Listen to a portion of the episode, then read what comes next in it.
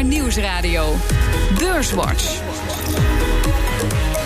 Rob Jansen. Welkom bij Beurswatch, het enige beleggingsprogramma op de Nederlandse radio. Met Edin Mujagic van OHV Vermogensbeheer en Ralf Wessels van ABN AMRO. Welkom. De eerste maand van het jaar was prima voor de beurzen. Eh, voor de AEX zat er een plus in voor, uh, van 6,7 procent. Um, mijn vraag is eigenlijk, is dat niet opmerkelijk als je kijkt naar de zwakke groei in Europa? Ralf. Ja. Wel vreemd? Beetje. Ja, beetje. Edin, jij ook verrast? Uh, nee. Want? Want uh, het feit dat de groei wat zwakker is, betekent niet dat het ook zwakke groei is. Hmm. Het neemt wel wat af, maar het is nog steeds redelijk hoog. Het was de week waarin Philips-topman Frans van Houten verraste met prima jaarcijfers. We zijn het jaar ook met een orderboek uh, geëindigd uh, wat substantieel is. We hadden 10% ordergroei. Dus onze medische innovaties, maar ook onze consumentengezondheidsproducten, die doen het goed. En Philips loopt in op de concurrentie. We winnen ook marktaandeel op onze concurrenten en dat uh, maakt me ook blij. Unilever-topman Alan Job kreeg de handen niet op elkaar vanwege zijn zorgen over opkomende markten. Our 2018 overall performance is a solid balance of top and bottom line delivery. And it's good quality growth because it's a nice mix of volume and the bottom line has been delivered through our savings programs. The reason why we have delivered and are guiding in the lower half of our ongoing range of 3 to 5% is basically due to volatility in key emerging markets. Jerome Powell, president van de Fed, had wel geruststellende woorden voor beleggers. The traditional case for rate increases is to protect the economy from risks that arise when rates are too low for too long. In this environment, we believe we can best support the economy by being patient in evaluating the outlook before making any future adjustment to policy. Ja, om maar even door te gaan met Jerome Powell. Die heeft de automatische piloot uitgezet. Hij zal voorlopig de rente niet verhogen. Dat is ook waar de markt op, hoog, op hoopte. Aan de andere kant zien we wel dat die economie in Amerika uh, sterk groeit. En de lonen zitten ook uh, in de lift. Uh, Edin, wat vind jij ervan dat Powell wat meer geduld heeft nu met het verhogen van de nou, rente? Hij, hij, hij, is in ieder geval heel goed in om dat zodanig te, uh, te presenteren naar de buitenwereld. Maar als je daarover doordenkt, je, je kijkt naar economische groei in Amerika, je kijkt naar de verwachtingen van economische groei, je kijkt naar wat de inflatie doet, je kijkt naar de werkloosheid, zoals uh, de cijfers die we eerder vandaag hebben gekregen. En dan, als je dan met die gegevens iemand zou vragen van goh, waar zou je waar denk je dat de Fed-rente nu op zou staan? En dat ze zeggen, we gaan nu even aankijken. Dan denk ik dat er heel snel een 3 of een 4 voor de komma uh, staat. Hmm. Hij begint er nu al, terwijl de rente uh, toch wel historisch laag is. Uh, beetje zorgwekkend. Ja. Ralf, vind jij het ook zorgwekkend? Nou ja, mijn, eigenlijk, uh, mijn grote vraag nu is eigenlijk... krijgen we nu een periode dat goed nieuws slecht nieuws is voor de beurs? Ja. Want uh, goede macro-economische cijfers uh, geven indicatie dat uh, de vet kan gaan verhogen. En ja. als we het dan hebben over. Uh, Zo'n, zo jij zei prima, ik zou zeggen het dikke prima eerste maand uh, ja. van het jaar. Ja. Zeker in Amerika, ja. Ja, ja, nou, maar goed. Ja, ja ik zou ook. Als, dat is een jaarrendement, gemiddeld jaarrendement. Maar ik bedoel, uh, dan het nieuws is wel gewoon per saldo slecht geweest. Als je kijkt ja. naar uh, macro-economische data en zelfs eigenlijk ook bedrijfscijfer is niet, maar daar komen later ja. op, is niet zo goed. Ja. Maar het belangrijkste natuurlijk is de Fed. Uh, die heeft gewoon is volledig 180 graden gedraaid. En dat is natuurlijk ontzettend belangrijk voor markten. En als je gewoon kijkt naar de wereldeconomie, denk ik dat de Fed, en dus ook voor een wereldwijde belegger, dat de Fed en het conflict tussen de VS en China, dat dat het allerbelangrijkste is. Ja, um, maar blij dat die voorlopig even geen rente gaat verhogen? Nou, ik vind het. Uh, ik, ik vind het dat hij zich een beetje als een kruid nu heeft verschoten. Hij kan eigenlijk alleen nog uh, een, een gedetailleerd getal geven over het verkleinen van, uh, van de balans. Ja, ja. Maar in principe heeft hij daar ook al een hele grote stap in gezet. Wij waren ook een beetje verrast met sommige wijzigingen in de tekst die, die de Fed naar buiten bracht. En ja, ik, ja, ik persoonlijk, ik, tot en met de vorige keer vond ik het eigenlijk wel goed. Dat ik dacht van nou, moest draaien. En nu heb ik het gevoel dat hij iets te ver is doorgedraaid. Hmm. Maar je, als je ook ziet wat we uh, met het oog op de Fed in de afgelopen vier, vijf maanden hebben meegemaakt. Dat is groot. Ik bedoel, drie, vier maanden geleden ging de discussie nog: gaat de rente in 2019 drie keer omhoog of vier keer omhoog? Ja.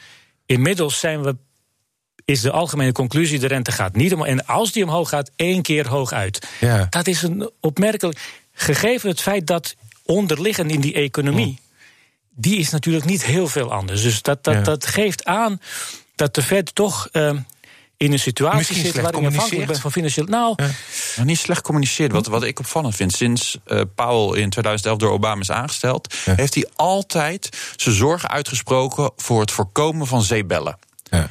Eh, dus je kan, dus je kan zeggen, hij kijkt minder naar eh, wat de inflatie et cetera doet. Hij wil gewoon eh, hoge rente en die balans verkleinen. Ook als je kijkt naar de laatste twee recessies in de Verenigde Staten... die zijn niet voorgekomen uit hoge inflatie. Die zijn voortgekomen uit zeebellen.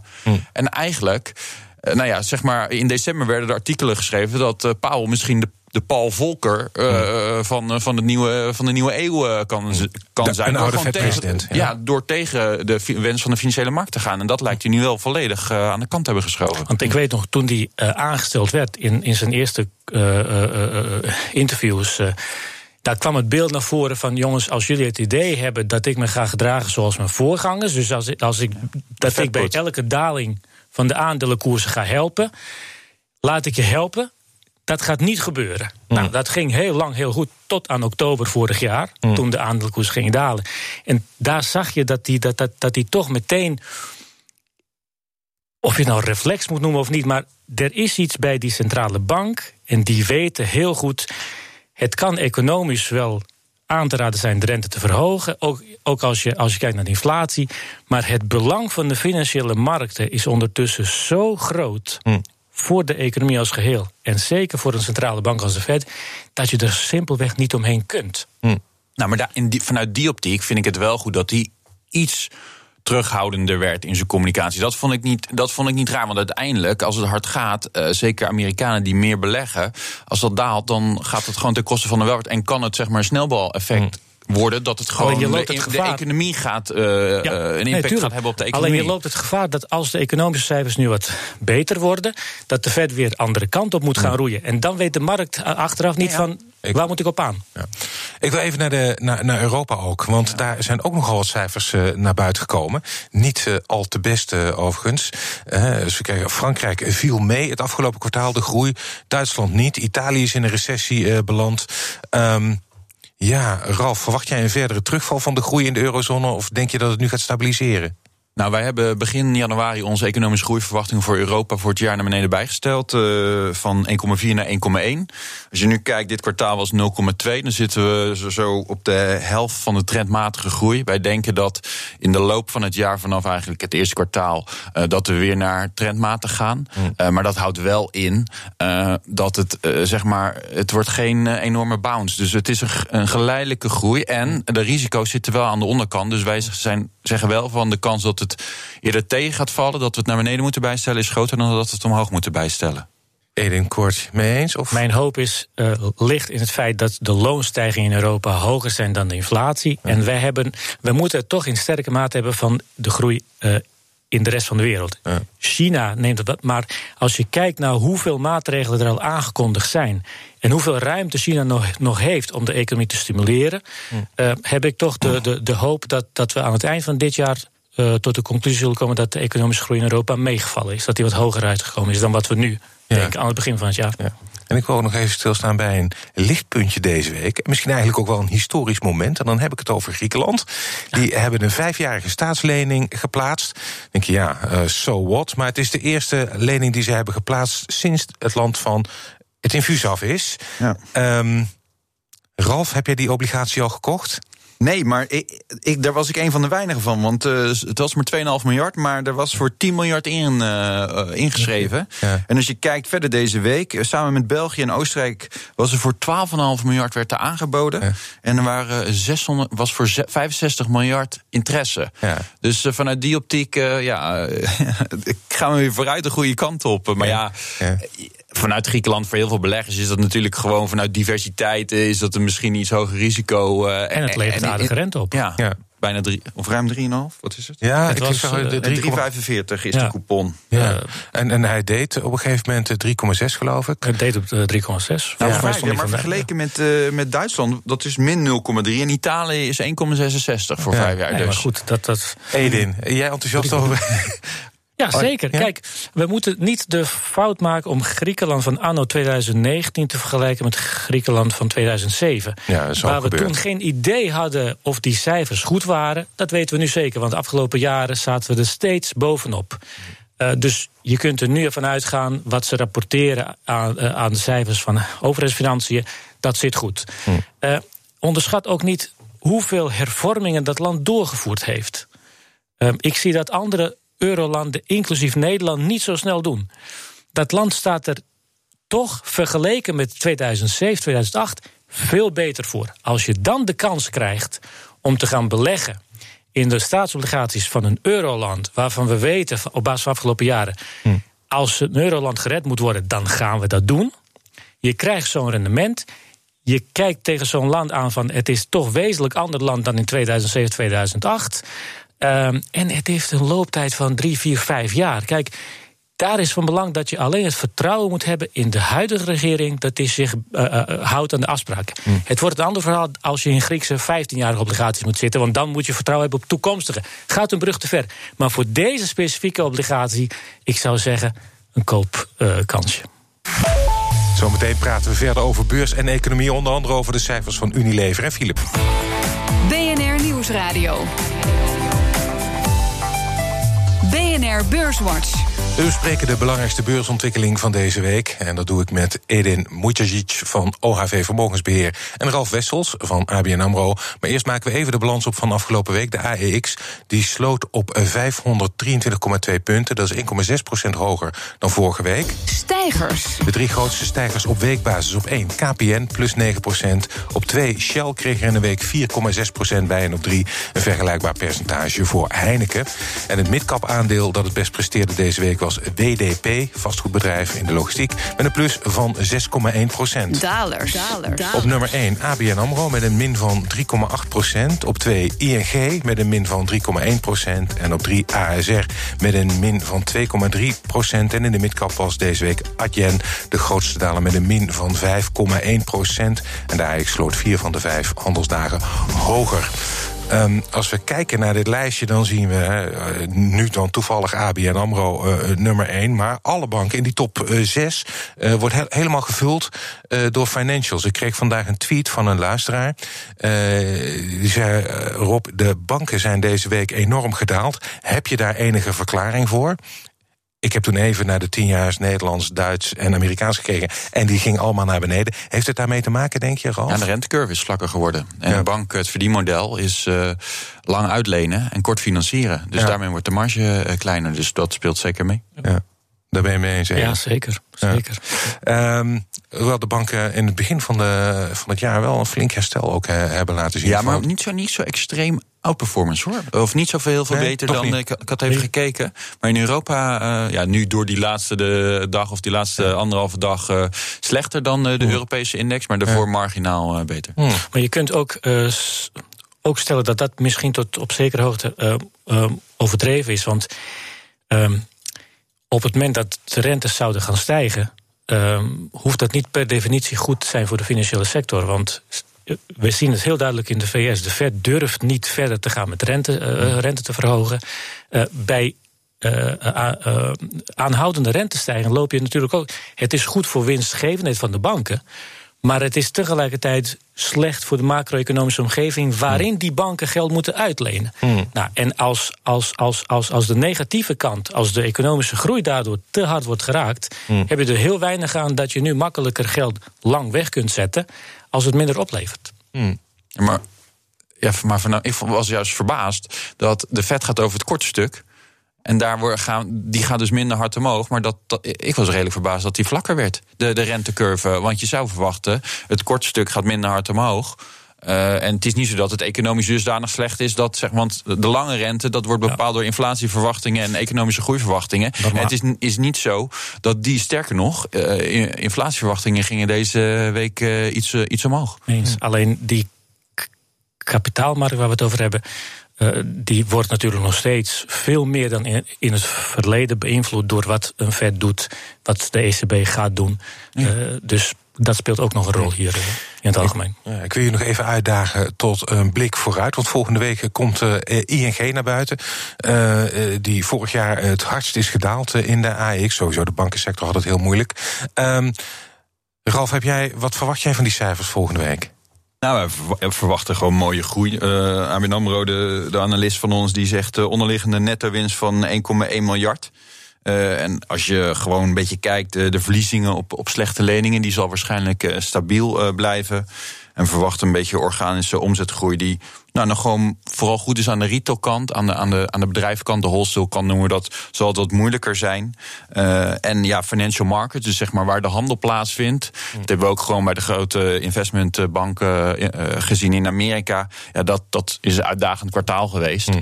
Uh, wij denken overigens wel dat de analistendag, of tegenwoordig heet dat Capital Markets Day op 25 maart, dat dat interessanter is voor de koers. Oké, okay. wat vraag jij ervan, Edin? Wij komen uit een um, economisch goed jaar. ING heeft natuurlijk wel een uh, uh, rekening te verheffen. Uh, dus als je daarvan abstraheert, ik zou niet weten waarom het een slecht cijfer zou moeten zijn. Ja, nou, we gaan het zien. Ze komen dinsdag, zeg ik uit mijn hoofd, 6 februari. Nee, dat zou dan uh, ja, dinsdag of woensdag komen ze met, met hun cijfers. Um, ehm, KPN wil ik ook even bij stilstaan, want volgens persbureau Bloomberg wil het Canadese Brookfield, dat is een investeringsmaatschappij, KPN van de beurs halen, samen met Nederlandse pensioenfondsen. Geen van die partijen wilde iets over zeggen. Maar het wordt ook niet uh, ontkend. En dan zijn wij journalisten altijd extra uh, gespitst natuurlijk. Um, Ralf, als dat zou gebeuren, zou jij KPN missen als het zou verdwijnen? Ah, ik vind KPN een moeilijk uh, beleggingsvraagstuk. Uh, mm. maar wij denken dat uh, het weinig kans van slagen heeft. Het, overnamebod bedoel je? Ja, dat het, dat het gaat gebeuren. Omdat ja, KPN heeft enorme, kan enorme defensieve muren optrekken. Ja. Er zijn bepaalde, een onafhankelijke stichting die kan preferente aandelen uitgeven van 50% van de uitstaande aandelen minus 1. Ja. Nou, als je dan ook nog uh, alle aandelen van het management erbij neemt, hebben ze gewoon een meerderheid van zeggenschap. Dus een vijandelijk bod uh, gaat niet lukken. En vervolgens nog hebben wij het idee dat KPN nog niet met Brookfield uh, gesproken heeft. Dus ah, okay. nou, die optiek. Maar als je puur kijkt naar de dynamiek in de sector, ja. zouden ze dat natuurlijk wel doen, moeten doen. Hè? Want ja. we hebben consolidatie nodig in Europa. Want ja, ze moeten hele hoge investeringen doen, natuurlijk mede door 5G. er is heel weinig groei. Uh, en je kan ja, dan kosten gaan besparen. Dus vanuit een lange termijn uh, strategie uh, zou het niet zo slecht zijn. Ja, maar zouden ze dan ook niet beter met een andere telecompartij kunnen samengaan... in plaats van overgenomen worden door zo'n investeerder? Ja, maar misschien heeft die wel een heel ander plan daarmee. Ja, doordat misschien is... meerdere overnames te doen ja. en een grote, je, grote jongen te creëren. Je kunt je ook voorstellen, als je overgenomen wordt, juist door een partij die niet uit jouw eigen sector komt. Dat kan heel interessant zijn als je op het punt staat om grote investeringen te doen, uh, enorme investeringen zelfs. En vanuit de partij die het misschien overweegt uh, te gaan doen, je zou dan een gezond bedrijf gaan kopen in een hele rijke markt. Waarvan je weet, als je ook nog eens heel veel uh, geld investeert, dat de kans groot is dat je marktaandeel gaat winnen. Uh, waarom zou je het niet doen? Ja, nou, wie weet. Maar jij, jij zegt al, ja, er zijn inderdaad, ze kunnen makkelijk een muur opwerpen. En Carlos Slim zit er nog steeds, de Mexicaan, voor 16% in. En als die wraak wil nemen, of er om een andere reden geen zin in heeft. Dan ga, nou, het is, wel, het is wel een belegger. Dus als hij een goede business case goede, ziet, ja, ja, dat dan, is waar. Uh, ja, dat is waar. Um, ja, en, dan, en je zou ook zeggen, als ze het uh, hem niet gunnen, waarom zouden ze het dan de Canadezen wel gunnen? Maar goed. Um, we gaan uh, ook nog eens even kijken naar de zes. We hoorden Van Houten al uh, aan het begin van de uitzending. De topman van Philips. Hij is opgetogen over de resultaten en ook over zijn positie ten opzichte van Siemens Healthineers, sorry voor het woord, uh, en General Electric. Um, Ralf, wat vond je van de resultaten? Nou, gewoon goede cijfers. Ja, en het was ook fijn uh, dat Philips uh, de middellange termijn uh, doelen bevestigde.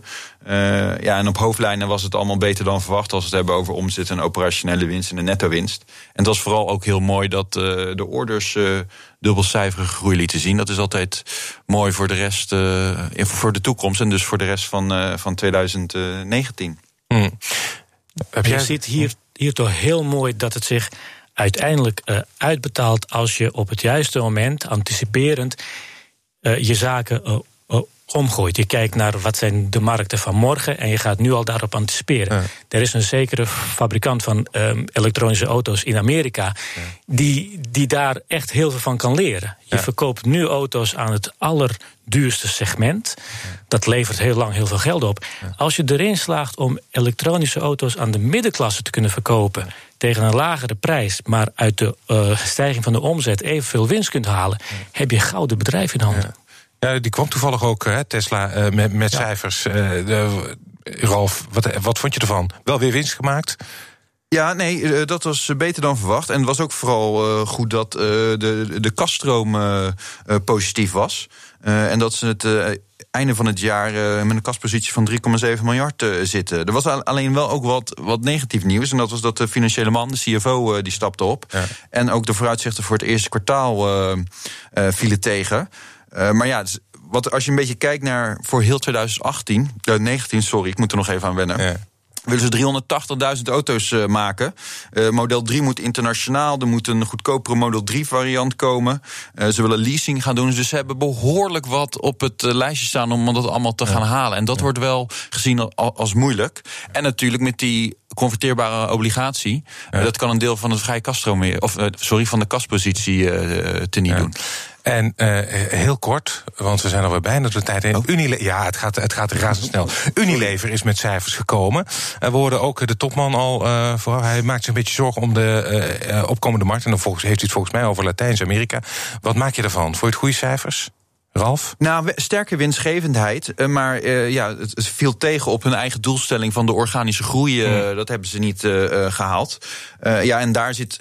En daardoor viel ook emerging markets. En dat had voornamelijk ook met uh, Latijns-Amerika te maken vanwege, vanwege de inflatie. En ze zien voor 2019, ze, ze verwachten 3 tot 5 procent organische uh, omzetgroei. En dat zal uh, aan, de, aan, de, aan de onderkant ervan zitten, of zo'n beetje. Hmm. Edin. Goede cijfers. En ik denk dat die te negatief is over de opkomende markt. Die ja, komen dat... uit een lastig jaar. Ja. Een van de problemen van 2018 was het feit dat de Amerikaanse munt duurder werd. Dat doet heel veel pijn in opkomende landen. We hebben het daar net gehad over de Fed. Die renteverhoging, of verwachting of renteverhoging zijn eruit. Als Europa het een beetje goed speelt, als ECB gewoon de stabiliteit houdt, zou 2019 wel eens het jaar kunnen worden waarin de euro weer uh, wat hij verloren heeft vorig jaar wint. Zou goed nieuws voor opkomende markt zijn en voor bedrijven als Unilever. Ja, we gaan het zien. We zijn dus, ik zei het al, bijna aan het einde van het programma. Dat betekent dat jullie een tip mogen geven voor de luisteraar. Ralf, jij staat helemaal in de startblok. Ja, zeg maar. Ja, wij zijn uh, ook in onze beleggingsvisie zijn we ook enthousiast over de, over de trend artificial intelligence.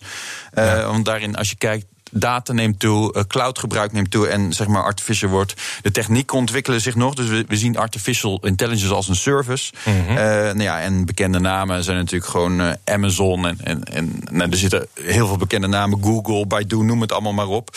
Met het Big Ted Digital Fund kan je dat hartstikke mooi spelen. Oké, okay, die, zitten, die, die, die reflecteren zeg ja. maar de artificial ja, intelligence hoek.